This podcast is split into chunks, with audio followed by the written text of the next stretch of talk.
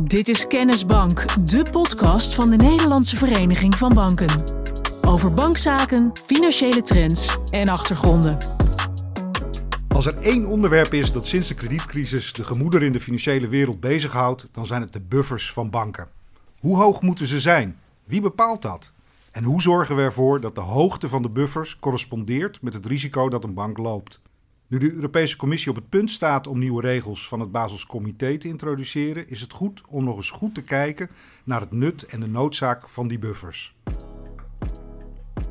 Ik doe dat met onze huiseconoom Paul van Kempen en met de absolute expert binnen de NVB als het gaat over Basel en buffers, Josette van Zoest. Beide welkom.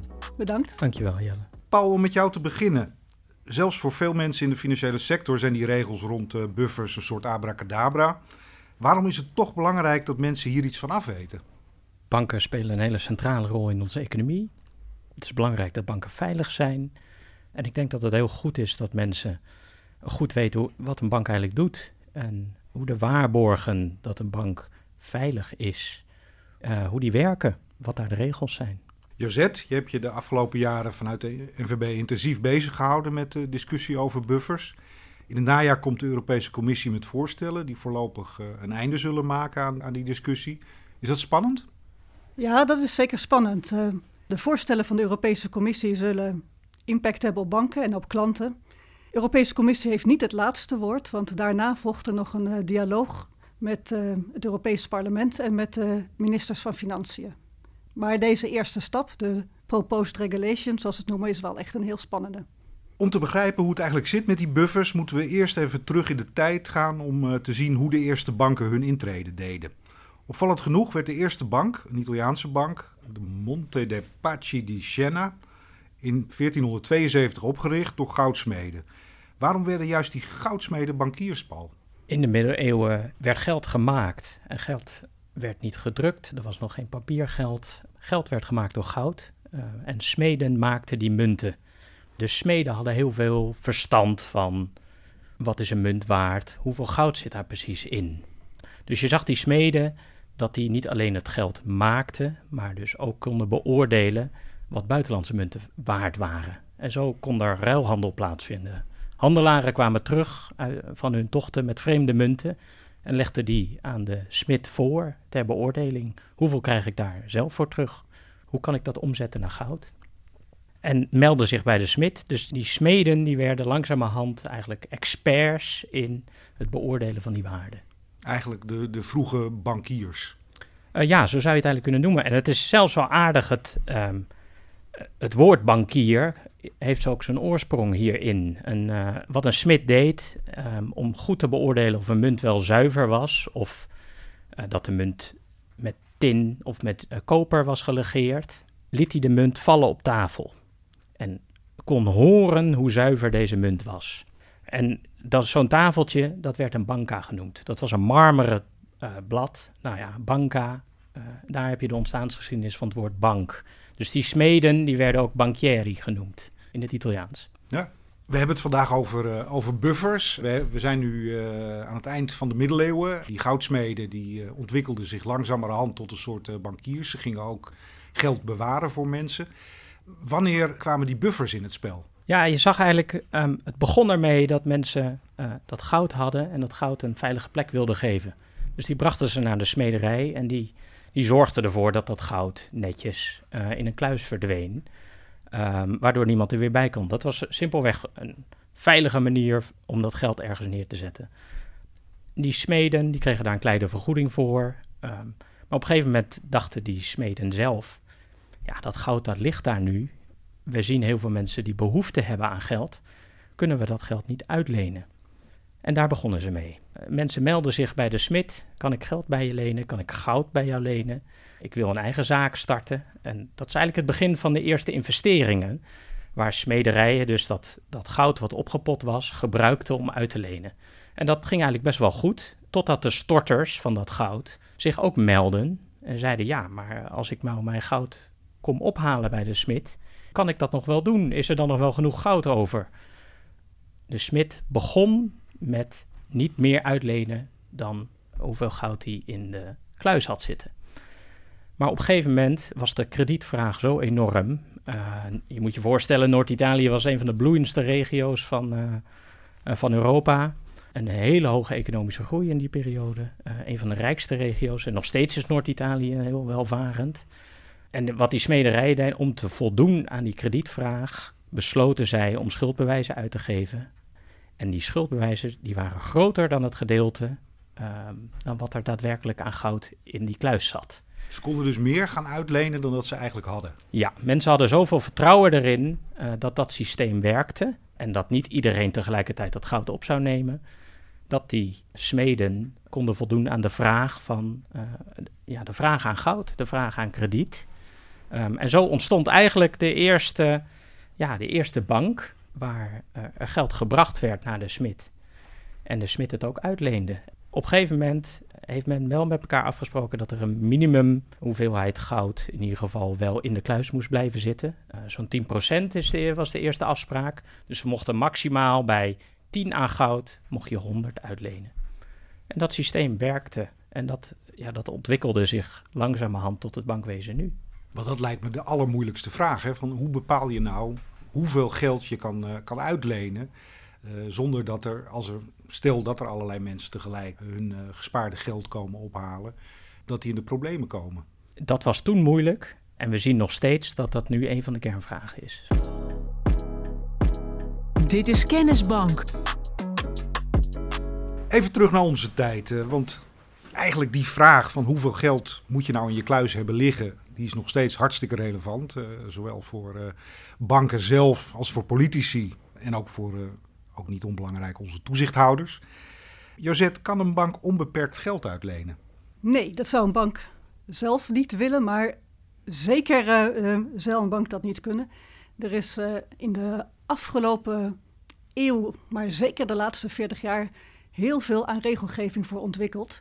Om heel precies te bepalen hoeveel uh, kapitaal, dus hoeveel buffer een bank moet aanhouden en vooral dan ook hoe dat precies berekend moet worden. En kun je een klein tipje van de sluier oplichten? Hoe, uh, hoe berekent een bank nou hoe, hoeveel uh, geld hij of zij in de kluis moet hebben liggen? Een cruciaal onderdeel daarvan, en dat is al vanaf de jaren 80 ook regelgeving, is dat een bank onderscheid maakt tussen bepaalde klantgroepen met een hoger of een uh, lager risico op terugbetalen. Dus uh, een woninghypotheek met een woning als onderpand geeft een laag risico. Een bedrijf, groot bedrijf dat helemaal geen onderpand geeft, geeft een veel groter risico. Dus voor, uh, voor een woninghypotheek zou je dus minder buffer, minder geld in je kluis moeten, moeten houden dan voor een lening aan een, aan een groot bedrijf. Ja, en het is dus een enorme klassificatieoperatie. Dus er wordt per lening gekeken, nou wat voor een lening is dat, in welke groep moeten we die plaatsen. En zo wordt dus van onderop wordt een totaal uitgerekend wat de totale kapitaaleis is. Maar wat een enorm werk lijkt me dat. Ja, en in eerste instantie viel dat nog wel mee in de jaren tachtig bij uh, de komst van wat dan heet Basel 1, zo heet die regelgeving. Viel het nog wel mee met een aantal categorieën, was het ook niet al te complex. Maar de afgelopen 35 jaar is het steeds uitgebreider geworden, steeds fijnmaziger. Het is ook omdat toezichthouders reageren op uh, gedrag van banken, banken reageren weer terug. Er is een financiële crisis geweest, dus er zijn allerlei redenen geweest waarom de afgelopen 35 jaar daar steeds verdere verfijning in heeft plaatsgevonden. Nog eventjes uh, voor alle duidelijkheid. Een bank krijgt geld van spaarders en dat geld lenen ze weer, uh, weer uit. Maar dat geldt voor die buffers, dat mogen ze niet uitlenen, toch? Nee, dus als we het woord buffer gebruiken, dan bedoelen we dus dat is het wat je in kas moet hebben voor onvoorziene verliezen. Dus het is echt voor buffer, dus voor dingen die je nu nog niet voorziet. Bij de meeste banken is dat aandelen en, en een stukje uh, obligaties die snel kunnen worden omgezet in eigen vermogen. Dus het gaat over, als het een gewoon bedrijf was, zou je het gewoon eigen vermogen noemen. En dat moet je dus altijd beschikbaar hebben voor het geval dat? Ja. Je had het net al over die regelgeving uh, die er is uh, gekomen sinds 35 jaar. Wie maken die regels? Het loopt zelfs nog wel verder terug, maar de laatste 35 jaar heeft dat een, een versnelling gekregen en is het internationaal geworden. Er is een uh, internationale organisatie, dat heet de Bank for International Settlements. Die hebben een commissie, de Basel Committee for Banking Supervision. En daar wordt wereldwijd vastgesteld hoe dus die berekeningen moeten plaatsvinden. Dus welke categorieën er zijn aan klanten met een bepaald risicogewicht en hoe die klassificatie plaats moet vinden. Dus in een uh, klein stadje in Zwitserland zitten een aantal mensen die voor de hele wereld bepalen hoe banken hun buffers moeten aanhouden. Ja, maar die mensen zijn niet lokaal aangenomen. In dat comité zitten dus de toezichthouders van, uh, nou, van, uh, van de G27, dus van de, de Verenigde Staten, Europa, verschillende Europese landen, verschillende Aziatische landen, ook verschillende Afrikaanse landen. Dus die toezichthouders bij elkaar, die vormen dat comité. Paul, uh, is dat een democratisch controleerbaar geheel daar in Basel? Je kunt wel zeggen dat er democratische controle is. Want het eerste voorstel komt van, de, van dit Baselcomité, maar vervolgens moet dat voorstel nog wel omgezet worden naar wet en regelgeving. Wat nu bijvoorbeeld voor ligt. Ja, dat is de Europese Commissie die daar een eigen ja, variant op maakt, een eigen voorstel doet, wat vervolgens via het Europese democratische proces wel zijn beslag krijgt. Dus je kunt zeggen, uh, nee, het voorstel is niet democratisch vastgesteld of tot stand gekomen. Maar de uiteindelijke wet en regelgeving, ja, die moet gewoon de democratische processen, net als alle andere wet en regelgeving, doorlopen. Duidelijk. Voordat we zo meteen definitief naar de huidige discussie uh, terugkeren, is het goed om nog even een tussenstop te maken bij de kredietcrisis uh, uit 2008. Want in reactie op die crisis besloten die 27 grootste economieën uh, dat banken hogere buffers moesten gaan aanhouden. Dat noemden ze Basel III. Waaruit bestaan die kapitaalseisen van Basel III, uh, Josette? Vlak na de crisis zag je al dat uh, de hoeveelheid kapitaal van banken ging toenemen. Dus je zag dat ook de markten het noodzakelijk vonden dat de hoeveelheid kapitaal in banken steeg. En je zag de toezichthouders dat ook heel snel ook vinden. Dus ze hebben hogere minimumpercentages gesteld. Dus de hoeveelheid eigen vermogen ten opzichte van je totale balans. Dus hoeveel kapitaal hou je aan in verhouding tot je leningen. Dus ze hebben die percentages omhoog geschroefd. En ze hebben toen ook gekeken naar wat toen eigenlijk ook vooral werd gezien als een, eh, een urgenter probleem, uh, zorgen dat je banken voldoende liquiditeit in kas hebben. Want op korte termijn gaat het erom dat je je spaarders zeg maar, geld kunt voorzien. En op lange termijn moet je zorgen dat je niet kunt omvallen. Dus naast die kapitaalseisen van hoeveel geld je in je kluis moet hebben, werd er ook gekeken naar liquiditeit. Ja, dus een heel erg, het is in de loop van de tijd een heel compleet uh, raamwerk geworden. Cruciaal onderdeel van dat Basel was dus altijd het risico wegen. Dus uh, van elk type exposure kijken, wat is dat er voor één en hoeveel kapitaal moeten we aanhouden. Ze hebben gezegd, dat is een goed systeem, dat handhaven we. Maar voor de zekerheid zetten we er nog een ander meetsysteem naast. En dat, is, um, dat ding heet leverage ratio. Dat is een simpele kapitaalratio. Simpel in die zin dat die dus niet risico weegt, maar dat elke lening evenveel meetelt in die ratio. Dus door zowel een risicogewogen ratio te hebben als eentje die gewoon alleen maar uitgaat van de omvang van de lening, uh, heb je twee meetmanieren en als de ene niet goed is, heb je altijd de andere nog. Even eh, voor het gevaar dat, uh, dat we de luisteraars nu kwijt zijn. Uh, het is goed om die, die twee soorten buffers eigenlijk, of ratio's zoals, je, zoals je dat doet, nog even, even goed neer te zetten. Aan de ene kant heb je dus de buffer waar je heel precies gaat kijken hoeveel risico's neem ik met mijn uitlening en op basis daarvan bepaal je uh, de buffer. En je hebt de ratio, de leverage ratio, die helemaal niet naar die risico's kijkt. En wat meet die dan precies? Die meet heel eenvoudig hoeveel kapitaal heb je ten opzichte van je balans. En door die ratio betrekkelijk eenvoudig te houden, vergeleken met de tamelijk complexe andere ratio, heb je twee totaal verschillende meetinstrumenten. En omdat banken aan beide moeten voldoen, hebben ze, zo is dan de toezichthouders, zeker gesteld dat je niet uh, enorm de bietenbrug op gaat doordat je maar op één manier uh, je risico's meet. Ja, ik herinner me uit die tijd dat die discussie over die leverage ratio uh, erg fel werd, werd gevoerd. er waren allerlei economen, dat is ook een belangrijk boek, The Bankers New Close heet dat. Ehm, die economen die zeiden van die leverage ratio moet gewoon veel hoger als je wil voorkomen dat er nog een keer zo'n kredietcrisis is. Uh, die ratio die zou bijvoorbeeld wel naar 20, misschien wel naar 30 procent moeten. Wat is er van die discussie geworden, Paul? Dat is hij niet geworden. Hij is niet 20 of 30 procent geworden. Want het zou namelijk impliceren dat banken heel veel meer eigen vermogen zouden moeten aantrekken. En dat is op korte termijn, hè, dat, dat kan. Maar uh, tegelijkertijd zitten daar ook bepaalde restricties aan. In, in, de mate waarop je dat kan doen als bank. Waar de, uh, ja, waar de banken ook voor waakten, was dat dat, dat ten koste zou gaan van de kredietverlening.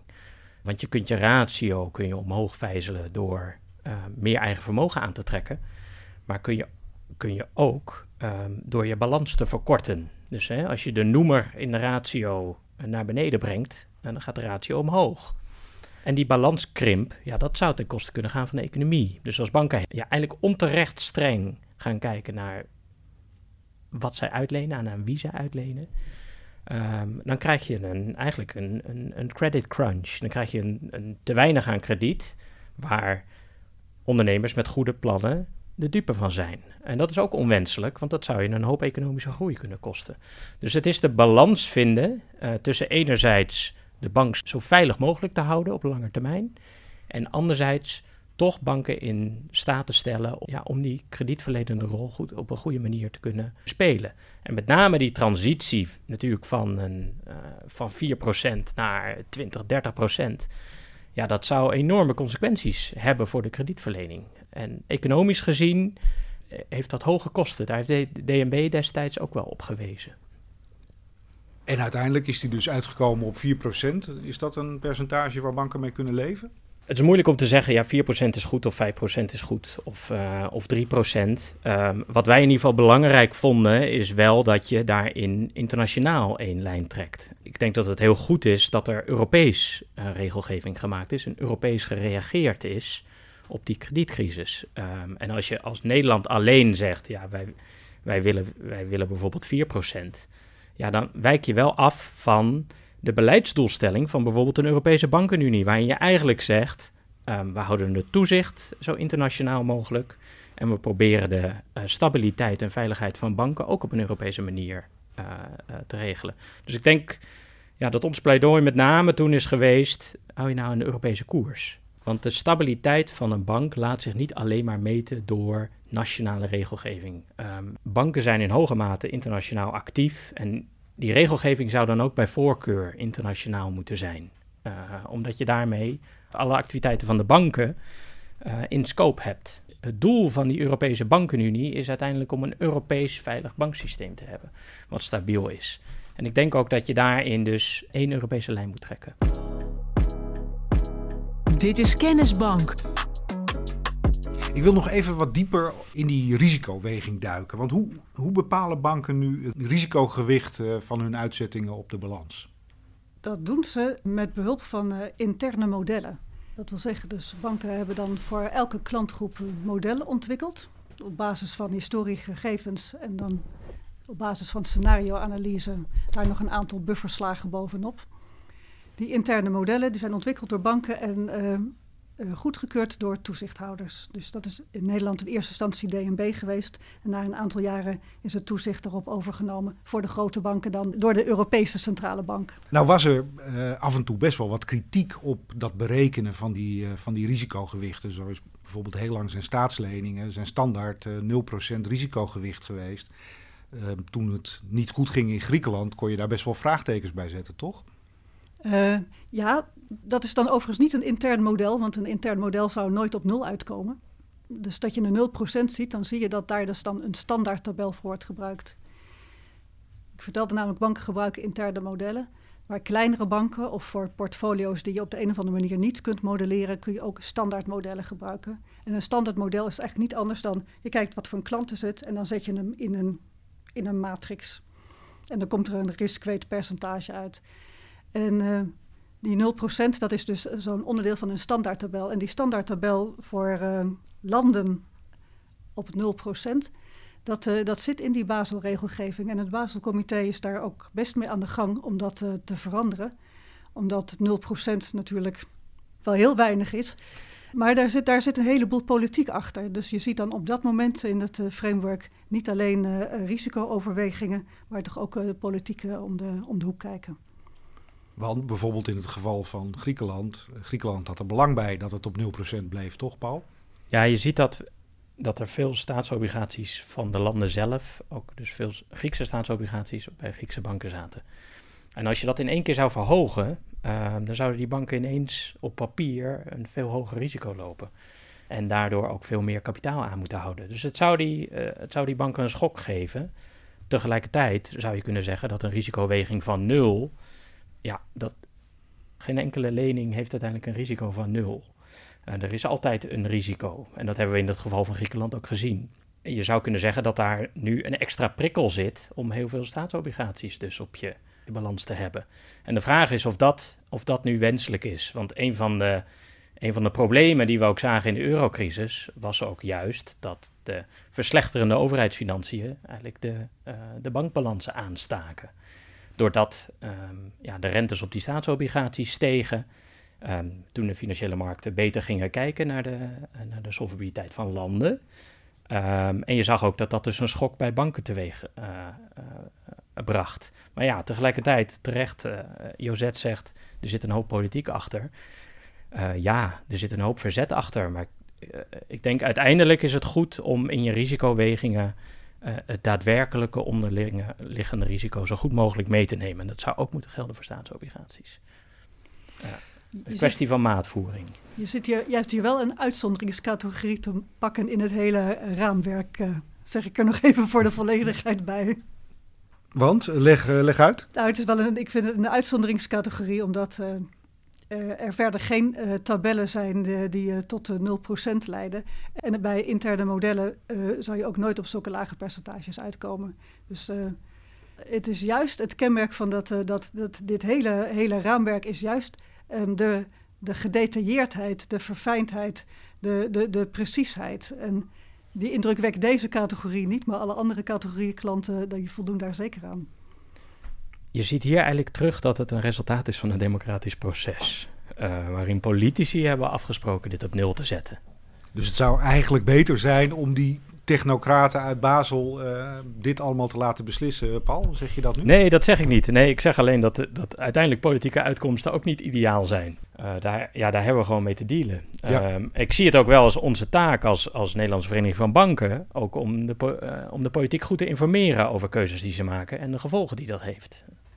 Basel III heeft dus een mooi systeem gebracht... met zowel die ongewogen ratio als die gewogen ratio heeft ook dingen gedaan om de liquiditeit op peil te houden. Is het voldoende geweest om een nieuwe kredietcrisis te voorkomen? Oh, dat weten we nog niet. Gelukkig hebben we sinds 2008 geen crisis nog meegemaakt. Het is wel zo dat ja, de, de soliditeit van het bankwezen voortdurend wordt getest. Met elke één of twee jaar grote stresstesten in Europa en door de Nederlandse bank. Daar komen goede resultaten uit. Ja, dat zijn natuurlijk toch oefentesten en niet de werkelijkheid. Maar ja, tegelijkertijd zien we ook wel nu in, uh, dat de Nederlandse bank naar buiten brengt. Van ja, uh, door, door de coronacrisis hebben een aantal klanten van banken natuurlijk grote problemen momenteel. Um, uh, kleinere kans dat ze helemaal hun schulden terug kunnen betalen. En heeft de Nederlandse bank toch wel een inschatting gemaakt van de impact op de bankbalansen. Het is heel goed dat ze dat doen. Um, en daar komt toch wel uit dat het uh, nou, dat banken er eigenlijk best goed voor staan. Dus eigenlijk komt nu tijdens de coronacrisis uh, naar voren dat, uh, dat banken er zo goed voor staan dat ze door hun hoge buffers nog steeds kunnen blijven uitlenen. Ja, dat geldt niet per definitie voor elke crisis, maar in ieder geval voor deze crisis is dat het geval. Oké, ik wil terug naar het, naar het nu. Ehm, want veel banken die zijn dus goed op weg om aan al die, die buffereisen van Basel III te voldoen. Uh, maar de volgende ronde uh, dient zich alweer aan. Want in 2017 kwam het Baselscomité met een uh, hele reeks voorstellen. om de manier waarop risico's door banken worden berekend. Uh, gelijk te trekken en te versimpelen. Basel 4, Basel 3,5 voor je, ehm, of toch Basel 3. waar komen al die, al die benamingen vandaan? Ja, Basel 3 is de generatie van Basel geweest die de toezichthouders hebben gemaakt net na de financiële crisis. Dus dat was Basel 3, daar werd al jaren aan gewerkt. En ondertussen waren toezichthouders gaan verdiepen in, in die interne modellen waar we het al over hebben gehad en in die risicoweging. En ze hebben besloten dat ze daar toch ook uh, nieuwe regels voor wilden gaan invoeren. En uh, ze zien dat zelf als het uh, sluitstuk van hun Basel III-reform.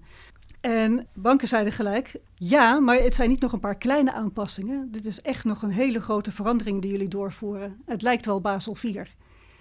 En sindsdien is eigenlijk blijven hangen dat de formele titel van het geheel Finalization of Basel III is. Banken hebben het meestal over Basel IV. Dat is ook makkelijk, omdat ze meestal ook Basel III implementatieprojecten ook hebben lopen. En het onderscheidt dan zo lekker. En uh, uh, heel vaak zie in officiële publicaties een soort van middelrood. Dan wordt het Basel 3.5 genoemd. Ja, Nou, dat, is, uh, dat is duidelijk. We zullen het voor het gemak nu gewoon Basel 4 blijven noemen. Kun je even kort aangeven wat de kern is van, uh, van dat enorme pakket met voorstellen? Ja, dus Basel Committee on Banking Supervision heeft besloten dat er nieuwe regels komen voor de risicoweging van alle leningen van een bank. En er komen nieuwe regels als je interne modellen gebruikt als bank daarvoor, maar ook nieuwe regels voor die standaardtabellen die er ook zijn. En ook een nieuwe regel waar dat die standaardtabellen een vloer gaan vormen onder de interne modellen. Dus dat de impact van de interne modellen flink beperkt wordt. En de reden dat ze met deze voorstellen komen is dat ze uh, onderzoek hadden gedaan en van mening waren dat er te veel verschillen waren tussen uh, interne modellen van verschillende banken. Dus als je bij verschillende banken ging navragen hoeveel uh, kapitaal houden jullie eigenlijk aan voor deze hypothetische lening, dan kregen ze daar verschillende antwoorden op terug. En dat hebben ze dus met dit hele grote nieuwe raamwerk willen adresseren. En was het, was het dan ook dus terecht als je verschillende uitkomsten uit die modellen krijgt? Uh, ja, dat, dat wil je niet. Uh, als er een gelijk risico is, dan zou er ook een gelijke buffer tegenover moeten staan, toch? Ja, dat er toen, uh, je moet je ook voorstellen op het moment dat, dat het Basel-committee dat onderzoek deed, toen waren de interne modellen er net een paar jaar en die zijn ingevoerd op een manier dat er best veel vrijheid was voor banken. Oh, je kunt ook zeggen een, een gebrek aan regels, dus maar net hoe je het even labelt, maar best veel vrijheid was voor banken om zelf in te vullen hoe die de interne modellen te ontwikkelen. En um, er was dus, daar waren dus best verschillen ook tussen die interne modellen. En, en daarmee um, blijkbaar toch ook voor uitkomsten. Hoewel er ook later onderzoeken zijn geweest die uh, veel minder verschil tussen modellen van banken vonden. In elk geval, Europa heeft zich dat uh, wel aangetrokken, deze, deze bevinding. En heeft een aantal jaren, dat is geleid geweest door de Europese Centrale Bank, een heel groot project gehad om alle interne modellen van alle banken in Europa na te lopen. Uh, er nieuwe regels omheen te schrijven. Zorgen dat de banken dus de nieuwe regels rondom dat modelleren invullen. En daarmee is een, een behoorlijke meer standaardisatie van de interne modellen bereikt. Maar als ik jou goed begrijp, heeft dat eigenlijk niet zoveel zin meer. Omdat er nu besloten is om een soort vloer uh, onder de uitkomsten te leggen van, uh, van die interne modellen. Uh, waardoor die fijnmazigheid, die, die, die sensitiviteit van risico's eigenlijk helemaal verloren gaat, toch? Ja, ik, ik zie het ook wel als dubbelop. Ja. Het is niet zo dat interne modellen voor banken totaal, totaal niet meer relevant zijn. Want die vloer aan standaardtabellen die gaat tot een bepaald percentage. Dus je berekent eerst de hoeveelheid kapitaal op basis van uh, interne modellen, de hoeveelheid kapitaal op basis van die standaardtabellen. En vervolgens neem je 72,5% van de uitkomst van die standaardtabellen. En dat is dan de vloer onder je interne modellen. Dus het is een vloer van 72,5%, niet van 100. Dus er blijft een stukje impact wel van interne modellen over, maar een stuk minder dan voorheen. Uh, Nederlandse banken, uh, veel Europese banken, uh, die vinden ja, het geen, geen goed idee om, om die vloer daaronder te leggen. Waarom is dat, Paul? Nou, je ziet dat met name banken in Noordwest-Europa hebben relatief veel hypotheek op de balans staan. Veel leningen met een relatief laag risico. Dus een laag risico dat ze hun geld niet terugkrijgen. En als je wel in een soort Europese of mondiale mal wordt gegoten, waarin die risico's eigenlijk hoger worden aangeslagen dan ze daadwerkelijk zijn, ja, krijg je een situatie waarin je eigenlijk veel meer kapitaal moet aanhouden dan op basis van dat risico is gerechtvaardigd. Dus die gevoeligheid waar we over spreken, van het kunnen meten van, van dat risico op een Nederlandse hypotheek, die gaat verloren. Omdat er bepaalde indicatoren zijn binnen een hypotheek, noem bijvoorbeeld de, de LTV, dus de hoogte van de lening ten opzichte van de woningwaarde. Ja, dat wordt een hele belangrijke factor. Um, terwijl dat zeker niet de enige factor is die het risico van een Nederlandse hypotheek bepaalt. Maar begrijp ik dan goed dat het risico op een Nederlandse hypotheek volgens deze nieuwe regels eigenlijk hetzelfde is als, een, uh, als het risico op een hypotheek in Brazilië? Nou, dat is, dat, ja, dat is precies het punt. Dat is het, dat is het niet. Uh, dat is het niet. Um, op het oog lijken de Nederlandse hypotheken best risicovol, omdat hier hoge LTV's, dus, hè, dus hoge uitgeleende bedragen ten opzichte van de woningwaarde hebben. Ehm, maar tegelijkertijd, als we naar de uitkomsten kijken, bijvoorbeeld naar het aantal wanbetalingen in Nederland, of de verliezen van banken op hun hypotheekportefeuille, dan zijn die heel erg laag. Terwijl die factor minder wordt meegerekend in deze standaard tabellen. Dus eigenlijk heb je een verkeerde maatstaf te pakken voor het meten van het risico. En dat is waar de, de banken dus met een relatief laag risicoprofiel, zoals in Nederland of bijvoorbeeld in Zweden, in Noordwest-Europa, dat is waar die banken met name tegenaan lopen. Uh, dat, dat die dus worden geconfronteerd met een verschil tussen het daadwerkelijke risico wat ze hebben en het risico wat ze op papier hebben volgens de nieuwe regulering. Dus eigenlijk word je gestraft voor het feit dat je weinig risico's neemt. Is dat de perverse prikkel die er van die regelgeving uitgaat? Uh, ja, die, eh, die prikkel gaat ervan uit, ja. Maar de, de feitelijke situatie is dat je dus evenveel kapitaal aanhoudt, bijna evenveel kapitaal aanhoudt voor een hoog risico of een laag risico lening. Maar waarom zou je als bank dan nog die lage risicoportefeuille gaan financieren? Waarom ga je niet lekker in hoge risico's zitten? Als je er toch evenveel kapitaal voor moet aanhouden. Als je alleen maar naar, vanuit winstoogpunt zou kijken, uh, zou ik dat een hele terechte vraag vinden. Maar Nederlandse banken kijken niet alleen maar naar de winst, maar hebben natuurlijk ook wel een, een taak en een historie, ook in het financieren van hypotheken. Ja, dat doen ze al sinds jaar en dag en dat zullen ze ook zeker nog wel blijven doen. Het is niet alleen maar dat banken uh, naar de winst kijken die ze hebben, maar ook naar ja, de toegevoegde waarde die ze hebben voor de Nederlandse economie.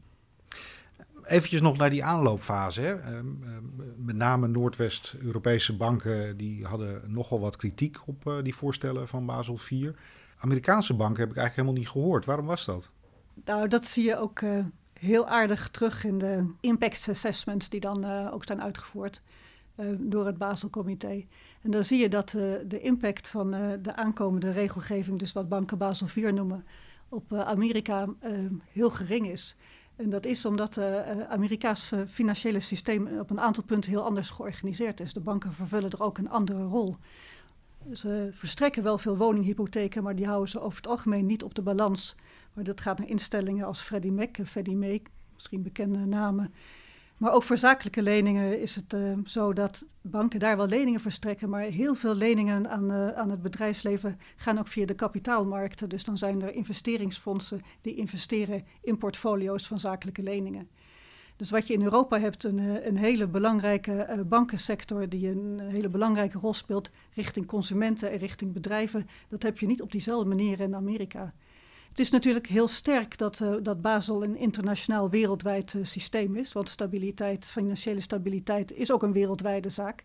Maar je ziet tegelijkertijd wel de beperkingen. Als je dat helemaal één op één doorvertaalt naar lokaal in Europa, kom je tegen dat het minder goed past op Europa dan toevallig in dit geval, denk ik, past op Amerika.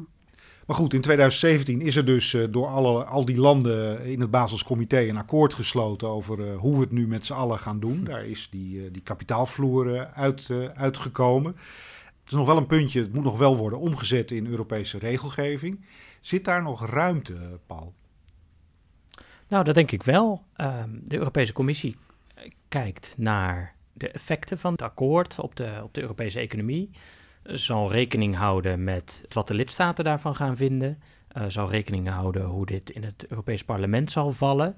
Um, dus je ziet in dat samenspel tussen Europees Parlement um, en, de, en de Raad, hè, dus de, de, Raad van Ministers, daar zal de Europese Commissie haar plannen op aanpassen. En uiteindelijk de uitkomst is een uitkomst van de onderhandelingen tussen de Europese Commissie, het Europees Parlement en die Raad van Ministers.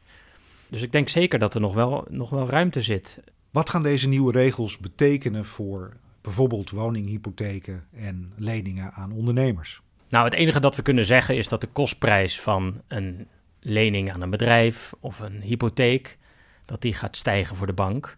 Um, hoe banken daar in hun uh, tariefstelling mee omgaan, uh, dat zal de toekomst moeten uitwijzen. Um, het, het, zou mogelijk wel een effect ook kunnen hebben op de, op de beschikbaarheid van krediet.